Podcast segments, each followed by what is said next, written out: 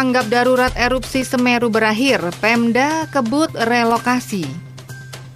Kemendagri buka suara soal dokumen Susi Pujiastuti menjadi bungkus gorengan. Luhut menyatakan ada pasien Omikron lolos akibat dispensasi karantina. Dari kawasan Jalan Jagalan 36 Yogyakarta, segera Anda ikuti Detak deretan Warta Aktual Reco Buntung 99,4 FM. Selamat petang pemirsa, itulah tadi beberapa informasi yang dapat Anda ikuti dalam program Detak Deretan Warta Aktual Reco Buntung edisi hari ini Senin 27 Desember 2021. Saya Asik Eka Dewi, segera kita menuju informasi pertama. Detak, deretan Warta Aktual Reco Buntung. Dari CNN Indonesia, masa tanggap darurat erupsi Gunung Semeru, Jawa Timur telah berakhir pada 24 Desember lalu. Bupati Lumajang Torikul Haq menetapkan masa transisi darurat lewat surat keputusan Bupati. Salah satu prioritas pada fase ini yaitu percepatan relokasi hunian sementara atau Huntara. Demikian PLT Kepala Pusat Data Informasi dan Komunikasi Kebencanaan BNPB, Abdul Muhari. Berdasarkan data Pos Komando Penanganan Darurat Bencana Erupsi Semeru per Sabtu 25 Desember kemarin pukul 18, tercatat total rumah rusak mencapai 1027 unit. Rumah rusak tersebar di Desa Sumberwuluh, Kecamatan Candipuro dengan kategori rusak berat 505 unit. Sedangkan di Desa Supiturang, Kecamatan Pronojiwo, rumah rusak berat 85 unit dan rusak ringan 437 unit. Muhari menyebut Pemda tengah membersihkan lahan yang menjadi tempat relokasi warga di desa Sumber Mujur. Beberapa alat berat dikerahkan untuk pelebaran jalan dan pengaspalan. Sejauh ini korban meninggal akibat erupsi Gunung Semeru menjadi 51 orang per Selasa tanggal 21 Desember pukul 18 waktu Indonesia Barat.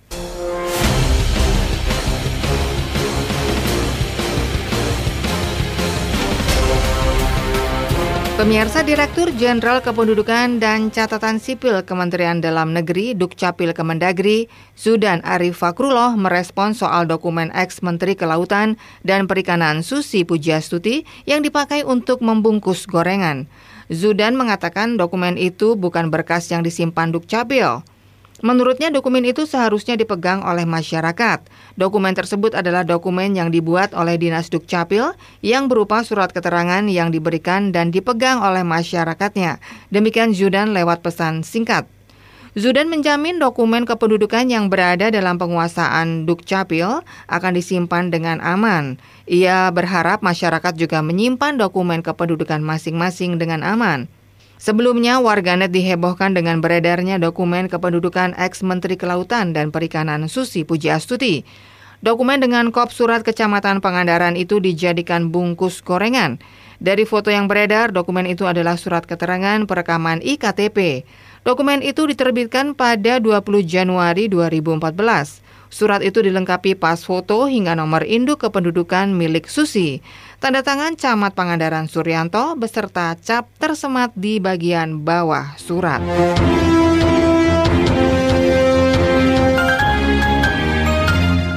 Pemirsa dari CNN Indonesia, Koordinator PPKM Jawa Bali Luhut Binsar Panjaitan menyebut ada pasien COVID-19 varian Omikron yang lolos karena mendapati dispensasi karantina.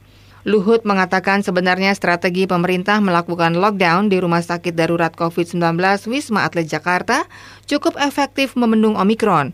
Namun ternyata ada pasien yang mengajukan dispensasi sehingga tidak dikarantina dalam waktu penuh. Luhut menegaskan pemerintah akan memperketat pemberian dispensasi karantina. Pemerintah tidak mau lagi ada pasien COVID khususnya varian Omikron yang lolos dari karantina. Sebelumnya Indonesia melaporkan 46 kasus COVID varian Omikron per minggu 26 Desember. Sebagian besar pasien tersebut adalah warga negara Indonesia yang baru pulang dari luar negeri. Sebanyak 25 pasien adalah warga negara Indonesia yang baru pulang dari Malaysia, Kenya, Unit Emirat Arab, Arab Saudi, Mesir, Malawi, Spanyol, Inggris, dan Turki. Lalu ada satu pasien WNA asal Nigeria dan satu pegawai kebersihan RSDC Wisma Atlet Kemayoran. Direktur Pencegahan dan Pengendalian Penyakit Menular Langsung Kemenkes Siti Nadia Tarmizi mengatakan mereka semua kini menjalani karantina di dua tempat yang berbeda. Sementara itu, Koordinator PPKM Jawa Bali Luhut Binsar Panjaitan mengatakan pemerintah bakal menerapkan kebijakan lockdown mikro untuk menangkal penyebaran COVID varian Omikron. Bakal diterapkan jika terjadi transmisi lokal. Saat ini strategi itu dipakai di Rumah Sakit Darurat COVID-19 Wisma Atlet Jakarta usai pegawai kebersihan positif mengidap varian Omikron. Melalui testing dan tracing yang kuat, langkah lockdown di level mikro seperti yang dilakukan di Wisma Atlet dapat diimplementasikan seandainya transmisi lokal varian Omikron sudah terdeteksi di suatu tempat. Demikian Luhut dalam jumpa pers daring hari ini Senin 27 Desember. Dia menyampaikan bahwa peningkatan tes dan telusur akan membantu identifikasi potensi penularan dengan cepat. Dengan demikian, pemerintah bisa melakukan isolasi agar varian Omikron tidak meluas. Meski demikian, Luhut mengakui masih ada kekurangan dalam sistem ini. Dia mengatakan ada pasien COVID varian Omikron yang keluar dari karantina usai mendapatkan dispensasi.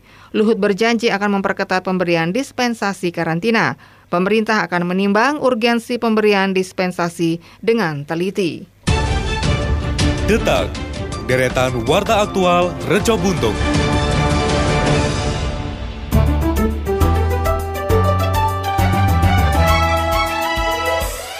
Baik pemirsa, masih Anda ikuti Detak Deretan Warta Aktual Raja Buntung bersama saya Asik Eka Dewi.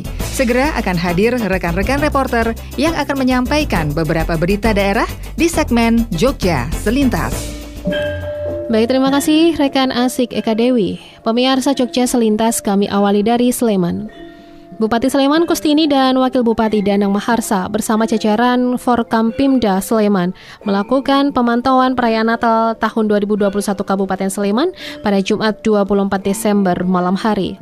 Pemantauan yang dibagi menjadi dua tim dengan empat titik lokasi pemantauan dilakukan untuk memastikan perayaan Natal 2021 berjalan lancar baik dari keamanan maupun penerapan protokol kesehatan. Tim satu yang dipimpin Bupati memantau Gereja Santa Maria Assumpta Pakembinangun Pakem dan Gereja Yohanes Rasul Somohitan Kiri Kertoturi. Sementara tim dua yang dipimpin Wakil Bupati Danang Maharsa memantau Gereja Santa Litwina Bedok Trihanggo Gamping dan Gereja Paroki Petrus dan juga Paulus Klepu Sendang Mulyo Minggir.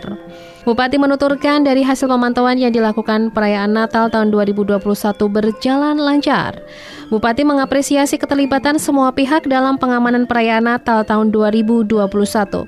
Selain TNI atau Polri, beberapa organisasi masyarakat seperti Banser, Satgas PDI, Tim Reaksi Cepat, Lintas Agama turut membantu melakukan pengamanan. Kita beralih ke Kulon Progo. Pemirsa pada masa liburan Natal dan menyambut Tahun Baru atau Nataru 2022 terjadi lonjakan pengunjung objek wisata di Kulon Progo.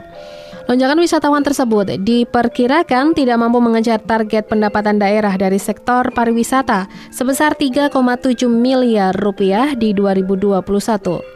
Informasi yang berhasil dihimpun di objek wisata Pantai Gelagah pada Minggu 26 Desember kemarin menyebutkan jumlah pengunjung dalam waktu setengah hari atau sekitar 4 jam dari pagi hingga siang hari mencapai lebih dari 2.500 orang. Dalam sehari hingga sore hari jumlah pengunjung bisa mencapai lebih dari 5.000 orang. Pada siang hari terjadi antrian panjang mobil pribadi dan sepeda motor di pintu masuk objek wisata Pantai Gelagah. Pengunjung bisa berwisata di pantai dengan mensyaratkan melaksanakan protokol kesehatan COVID-19. Demikian pemirsa informasi dari Sleman dan Kulon Progo sumber berita dari Harian Kedaulatan Rakyat. Baik pemirsa, kita beralih ke berita dari kota Yogyakarta. Berbagai upaya telah dilakukan pemerintah DIY dalam rangka mengantisipasi lonjakan kasus COVID-19 pada Natal dan Tahun Baru 2022. Salah satu langkah yang diambil Dinas Perhubungan DIY adalah dengan memperketat screening bagi para pendatang atau wisatawan dari luar yang masuk wilayah DIY. Hal ini diungkapkan oleh Kepala Dinas Perhubungan DIY Nimade Dwi Panti Indrayanti ketika menjadi narasumber pada Ngobrolin Jogja di channel YouTube Humas Jogja pada Rabu 22 Desember lalu.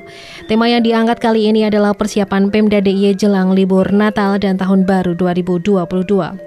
Pihaknya telah mengaktifkan simpul-simpul transport seperti terminal dan stasiun sebagai bagian untuk men-screening pendatang. Upaya ini juga untuk mengetahui apakah para pendatang sudah divaksin atau belum. Pihaknya juga sudah melakukan kegiatan ini mulai dari September 2021. Dijelaskan olehnya, semua kendaraan yang masuk ke DIY wajib masuk ke titik-titik simpul. Dari wilayah timur, titik lokasi berada di parkir Bandara Adi Sucipto, wilayah utara di Terminal Jombor, wilayah barat berada di Terminal Wates, di tengah terdapat Terminal Giwangan, dan di wilayah selatan ada di Terminal Daksinaga dan Terminal Semin. Mada juga menambahkan, Bantul dan juga Gunung Kidul rencananya juga akan melakukan kebijakan ganjil genap di beberapa tempat, sedangkan Kulon Progo tidak akan memperlakukan. Untuk semua alun-alun di wilayah DIY ditutup atau tidak dibuka untuk perayaan Tahun Baru. Pemirsa menghadapi libur Natal dan Tahun Baru, pemerintah Kota Jogja akan menyiagakan mobile laboratorium untuk keperluan tes acak antigen kepada para pengunjung. Wakil Wali Kota Yogyakarta Heru Purwadi mengatakan, mobile laboratorium tersebut disiagakan di wilayah yang memiliki tingkat aktivitas tinggi saat libur Nataru. Ia juga menyatakan untuk di Malioboro sudah dilakukan sejak beberapa bulan lalu. Mobile laboratorium ini standby setiap hari Sabtu dan Minggu di depan Hotel Mutiara. Selain di kawasan Malioboro, pengecekan acak ini juga akan dilakukan di alun-alun utara dan alun-alun selatan. Mobil-mobil tersebut disiagakan di wilayah yang memiliki aktivitas yang tinggi ketika libur Nataru. Pemkot Jogja juga akan melakukan pemeriksaan acak guna memastikan para pengunjung telah mempunyai surat hasil pemeriksaan COVID-19 serta telah divaksin. Pihaknya pun telah bekerja sama dengan TNI dan juga Polri untuk membuat posko serta menerjunkan personil di sepanjang Tugu Palputih, Malioboro hingga Keraton Yogyakarta. Heru juga menyatakan para petugas ini nantinya akan membantu agar tidak terjadi kerumunan massa dan mengingatkan wisatawan agar selalu menerapkan protokol kesehatan terutama pemakaian masker. Sementara itu pemirsa Kepala Dinas Perhubungan Kota Jogja Agus Arif Nugroho menjelaskan bahwa pihaknya akan mengoptimalkan area traffic control system dengan tujuan agar dapat mengontrol kepadatan lalu lintas meski dari jarak jauh. Terdapat 34 simpang yang sudah terintegrasi dengan ATCS. Simpang-simpang yang telah terintegrasi tersebut adalah simpang yang cukup padat dengan pengoptimalan ATCS ini. Pihaknya dapat dengan mudah mengurai kepadatan kendaraan pada setiap simpang. Demikian pemirsa informasi dari Kota Yogyakarta dan kita beralih ke informasi dari Bantul dan Gunung Kidul bersama rekan Widya Gita. Baik, terima kasih Meida Mara. Pemirsa bersama saya Widya akan saya sampaikan informasi dari Bantul dan Gunung Kidul. COVID-19 memang belum sepenuhnya berakhir. Kita semua saling bahu-membahu untuk segera lepas dari lorong pandemi. Di penghujung tahun 2021, ekonomi berbasis masyarakat terasa mulai bergairah. Sektor wisata dan kuliner seolah bangun dari tidur panjang akibat pandemi. Bagi pengusaha kuliner dan pariwisata pantai selatan khususnya Depok, kehadiran banyak tamu di saat liburan sangat diharapkan. Dengan menikmati suasana pantai seraya menikmati sajian seafood akan menjadi keasikan tersendiri. Terlebih ikan-ikan yang disajikan hasil tangkapan nelayan langsung. Harapannya akan lebih banyak lagi wisatawan yang datang ke pantai Depok. Demikian disampaikan Ketua Koperasi Wisata Mina Bahari 45 Pantai Depok, Kelurahan Parangtritis, Kretek, Bantul, Sutarlan. Sutarlan menyampaikan para pengelola memiliki komitmen menjaga kenyamanan wisatawan dalam berlibur maupun bersantap kuliner seafood di Pantai Depok. Pengelola rumah makan yang jumlahnya 75 sudah sepakat untuk memasang harga standar termasuk jasa menggoreng ikan sesuai kesepakatan yakni 15.000 per kilogram. Jika ada yang melanggar ada sanksinya.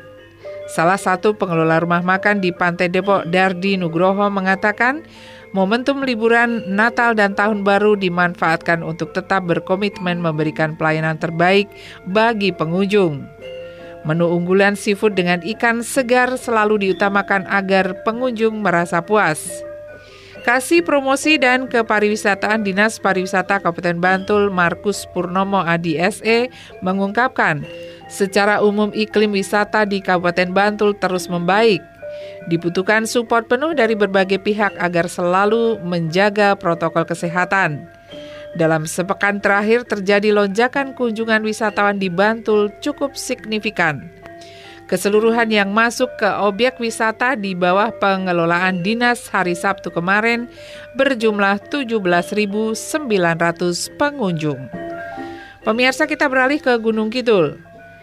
Ada banyak objek wisata Jogja yang bisa dikunjungi pada masa liburan Nataru 2022. Satu di antaranya berlibur ke deretan objek wisata pantai yang ada di Kabupaten Gunung Kidul.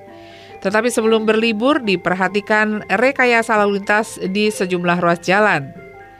Rekayasa lalu lintas di Kabupaten Gunung Kidul diberlakukan pada jalur wisata yang berpotensi mengalami kemacetan saat libur Nataru. Di berbagai titik rawan termasuk jenis kendaraannya harus diperhatikan. Kasat Lantas Polres Gunung Kidul AKP Martinus Sakti mengatakan bis wisata menjadi perhatian utama dalam menentukan rekayasa jalur wisata. Bus wisata yang datang dari arah Yogyakarta setibanya di Simpang Gading akan diarahkan ke selatan menuju Sabtosari. Kemudian diarahkan melintasi jalur lintas selatan. Sedangkan bus wisata dari arah Semin langsung diarahkan melewati Jalan Baron menuju pos TPR utama. Sedangkan untuk jalur pulang, Martinus mengatakan seluruh bis wisata diwajibkan melalui tepus terutama bis dari Pantai Drini ke timur, agar tidak terjadi kepadatan saat berpapasan di jalan. Bis yang menuju ke kota Yogyakarta tidak diperbolehkan melewati Jalan Baron ke utara atau masuk kota Wonosari, tetapi harus melalui jalan lintas selatan di wilayah Palian, lalu ke arah Playen sehingga masuk ke Jalan Yogyakarta Wonosari. Untuk mobil pribadi dari pantai kembali menuju ke Jogja, Martinus menyarankan untuk melewati jalur alternatif seperti Jalan Panggang Imogiri atau Jalan Ngelanggeran Prambanan untuk menghindari kepadatan. Di kawasan Simpang Ngoro-Oro Patok, kendaraan dari arah Yogyakarta dan akan menuju ke Heha Skyview tidak diperkenankan untuk langsung belok kanan di simpang melainkan harus maju baru berputar di Kali Petung. Pelaksanaan tugas Kepala Dinas Pariwisata Gunung Kidul Dekoningrum mengatakan sudah berkoordinasi dengan Polres dan Dinas Perhubungan, terutama dalam hal skenario rekayasa lalu lintas di Gunung Kidul. Pemirsa demikian tadi informasi dari Bantul dan Gunung Kidul sumber berita krjogja.com dan tribunjogja.com. Saya Widya, kita segera menuju ke rekan Asik Eka Dewi untuk menyampaikan informasi yang terakhir.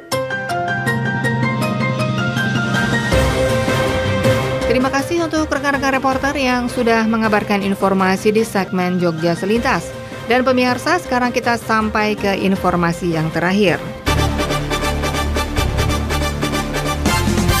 Detak, deretan warta aktual Reco Buntung. Dari krjogja.com, aplikasi Peduli Lindungi dinilai merupakan alat atau tools yang paling efektif sebagai screening sekaligus upaya preventif penularan COVID-19 di masa Natal dan Tahun Baru. Namun sayangnya keberadaan aplikasi Peduli Lindungi tidak terpantau dengan baik, maka perlu ditempatkan petugas di setiap titik lokasi scan barcode aplikasi tersebut untuk melakukan pemantauan supaya aplikasi terimplementasi dengan baik sehingga screening benar-benar efektif. Demikian Kepala Dinas Kesehatan DIY Pembayun Setyaningastuti. Pembayun menyatakan pihaknya menyayangkan kurangnya implementasi penerapan aplikasi peduli lindungi ini menyebabkan ketidakefektifan screening kepada masyarakat, terlebih di saat terjadinya kenaikan mobilitas atau pergerakan masyarakat pada momentum Natal dan Tahun Baru. Untuk itu pihaknya berharap agar semua tempat yang sudah memiliki aplikasi peduli lindungi ini seperti pusat perbelanjaan atau mall, hotel, tempat wisata, restoran dan sebagainya menempatkan seorang petugas. Diharapkan pula di samping ada scan barcode peduli lindungi, cek suhu badan dan hand sanitizer ada orang yang mengawasi. Silahkan diingatkan setiap orang yang datang atau masuk harus scan barcode tersebut tanpa kecuali. Pembayun menyayangkan jika aplikasi Peduli Lindungi hanya dipajang saja tetapi tidak digunakan, padahal prosesnya dengan pengajuan izin. Menurutnya memang dibutuhkan orang atau petugas yang ditempatkan untuk memantau dan menjaga penggunaan aplikasi Peduli Lindungi. Bahkan pembayun sangat mengapresiasi kepada pihak-pihak yang benar-benar mampu mengimplementasikan aplikasi Peduli Lindungi dengan baik.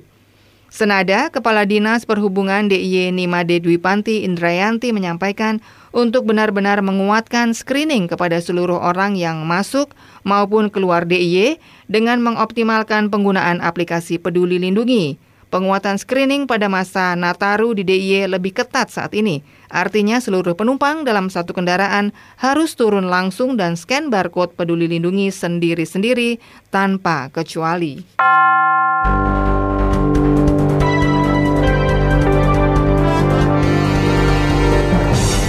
Pemirsa waspada virus corona. Penularan dari manusia ke manusia lewat cairan, batuk, bersin, dan berjabat tangan.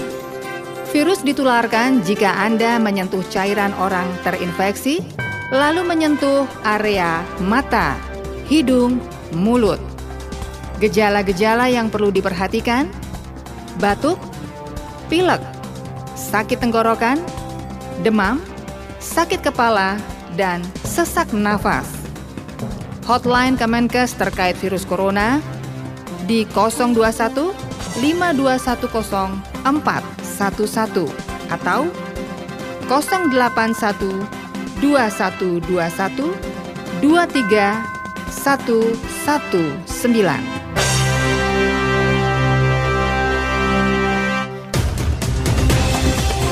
Pemirsa, informasi tadi menutup program Detak edisi hari ini Senin 27 Desember 2021. Ikuti kembali program Detak deretan Warta Aktual Reca Buntung esok petang pukul 18 waktu Indonesia Barat. Radio lawan COVID-19. Jangan lupa cuci tangan pakai sabun, jaga jarak, jangan berkerumun, gunakan masker, dan lebih baik di rumah saja. Saya Asik Eka Dewi, selamat petang dan sampai jumpa. Pemirsa, telah Anda ikuti Detak, Deretan Warta Aktual, Produksi, Buntung 99,4 FM.